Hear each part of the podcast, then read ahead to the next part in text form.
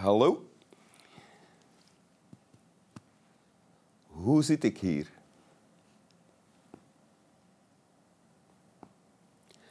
Bijzonder mannelijk. Alsjeblieft. En welkom bij Winteruur met Nele de Monstera-plant, Wim Helsen de presentator, Igor de Hond en Sander de Keren, mijn geëerde gast van vandaag. Oh, dankjewel. dankjewel. Welkom, Sander. Dag Wim. Eh, Sander, je bent eh, presentator bij Clara, Ja. muzikant zelf, op zijn minst van eh, het instrument de gitaar En de piano? en ook de piano. Ja, ja. Al ben je nog niet zo ver dat je jezelf pianist durft noemen. Nee, zeker als je op Clara werkt, ehm, passeren er zoveel goede Omdat je pianisten. autodidact bent als pianist. Ja. Dan, is het...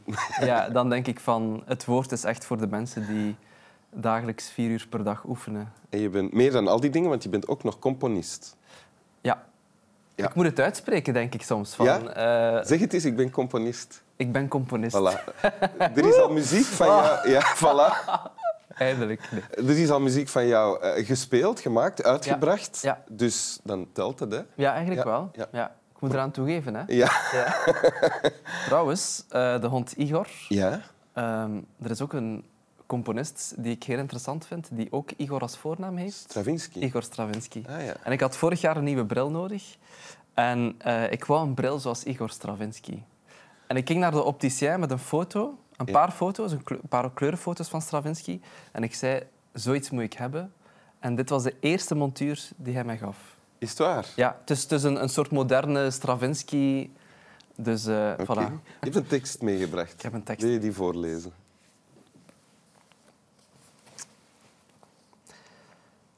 Het scheelde weinig of ik maakte zelf een einde aan mijn leven. Alleen zij, de kunst, zij weerhield me. Ach, het leek me onmogelijk de wereld vaarwel te zeggen voordat ik datgene had volbracht waartoe ik me geroepen voelde. En zo rekte ik dit afschuwelijke leven. Ja, afschuwelijk. Om lichamelijk zo prikkelbaar te zijn dat een snelle verandering me van de beste in de slechtste toestand kan doen geraken. Geduld, zo lijkt het, moet nu mijn leidraad zijn. Ik heb het. Dat het besluit om vol te houden duurzaam mag zijn, totdat het de onverbiddelijke schikgodinnen behaagt de draad door te knippen. Ding. Ja. Je, je leest dit eh, eigenlijk droevig stuk tekst met heel veel smaak en plezier. ja. Het is waarschijnlijk ook omdat het van Ludwig van Beethoven is, de, Ja. de grote eh, componist. En ja, zijn muziek is ook veel expressie. Dus Ja. ik dacht, ik ga een, een droevige tekst van Beethoven toch romantisch en expressief voor. Wel, maar ik denk dat Ludwig er blij mee geweest zou zijn moest hij, het, Ja. eh, moest hij hier bij ons op de bank zitten. Ik vraag me af hoe, hoe hij- hoe hij het geschreven heeft. In, in welke, of in, in welke melodie eh, hij die zinnen construeert. Oké, wa- wa- wat is dit? Dit is een stuk uit een brief, hè? want er staat Ja. onder Heiligenstädter eh, testament. Ja. Het is een brief geschreven aan zijn twee broers. Eh, geschreven in Heiligenstadt. Is een, een klein eh, dorpje buiten het centrum van Wenen. Dat is de laatste halte met de metro vandaag, van een, Ja. een metrolijn. Ja. Heel veel mooie natuur. En ehm, probleem, Beethoven is eh 32 Op dit moment. op dit moment. Dus geboren in 1770. Deze brief geschreven in 1802. En hij is er hoe, hoeveel, eh, 55, 56 geworden? Hij is eh 57 geworden. 57. Ja. ja. Dus na deze brief heeft hij nog eh, meer dan 20 jaar Ja, geleefd. ja, ja. ja.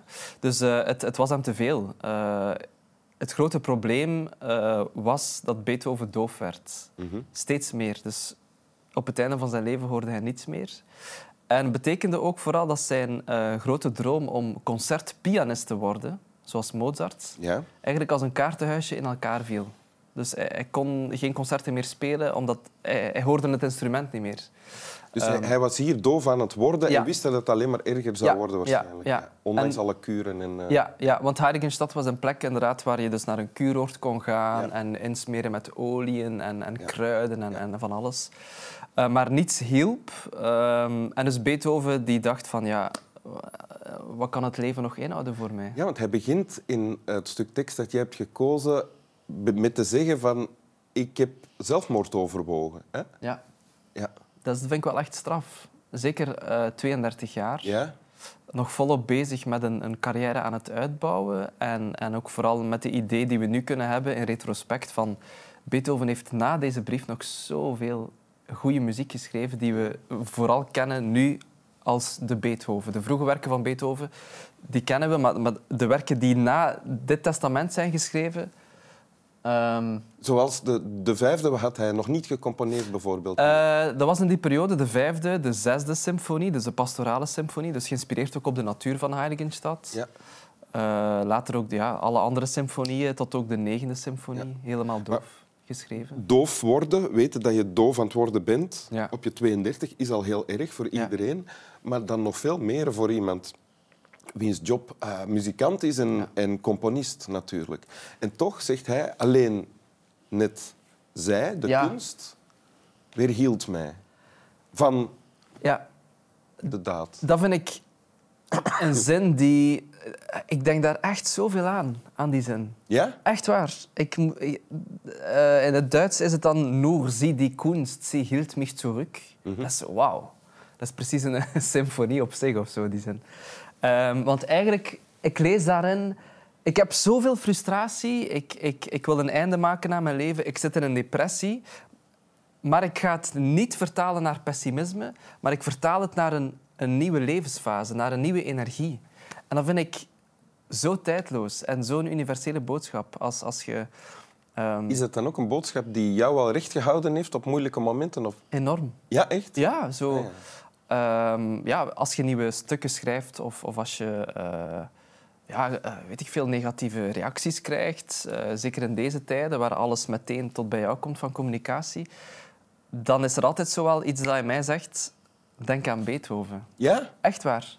Ik, ik zeg het soms ook aan vrienden of collega's die, die, die met een verhaal naar mij komen of die, ja, die zich niet, niet goed in hun vel voelen. En dan zeg ik van, je weet toch dat Beethoven eh, ook zo'n een, een moeilijk moment had, maar hij heeft het vertaald. En dat is echt mijn slogan, mijn levensmotto. Vertaal frustratie naar energie. Ja.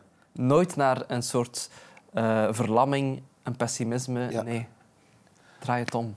Oké. Afschuwelijk noemt hij het, hè? dit leven. Afschuwelijk Ja. om zo prikkelbaar te zijn. Dat de snelle verandering me- me van de beste in de slechtste toestand kan doen geraken. Ja. Dat gaat over zowel zijn fysieke toestand als zijn mentale toestand. Ja, denk ik. ja. Ik denk ook... ehm, snelle verandering dat lijkt bijna een, een definitie van iemand die, hoe noemen ze dat nu? Eh, ja, van die mood changes heeft. Zo bipo- Ja, bipolair? ja, Ja, ja. Ik weet niet of, of Beethoven echt bipolair was, maar ik denk dat hij geen gemakkelijk karakter had, omdat hij met zoveel scheppingsdrang zat. Ik, ik moet nog zoveel muziek delen met de wereld. Ehm, maar ik weet niet hoe de dag op mij gaat afkomen. Hoe ik mij vandaag voel, of, of zelfs in zijn geval wat ik vandaag zal horen.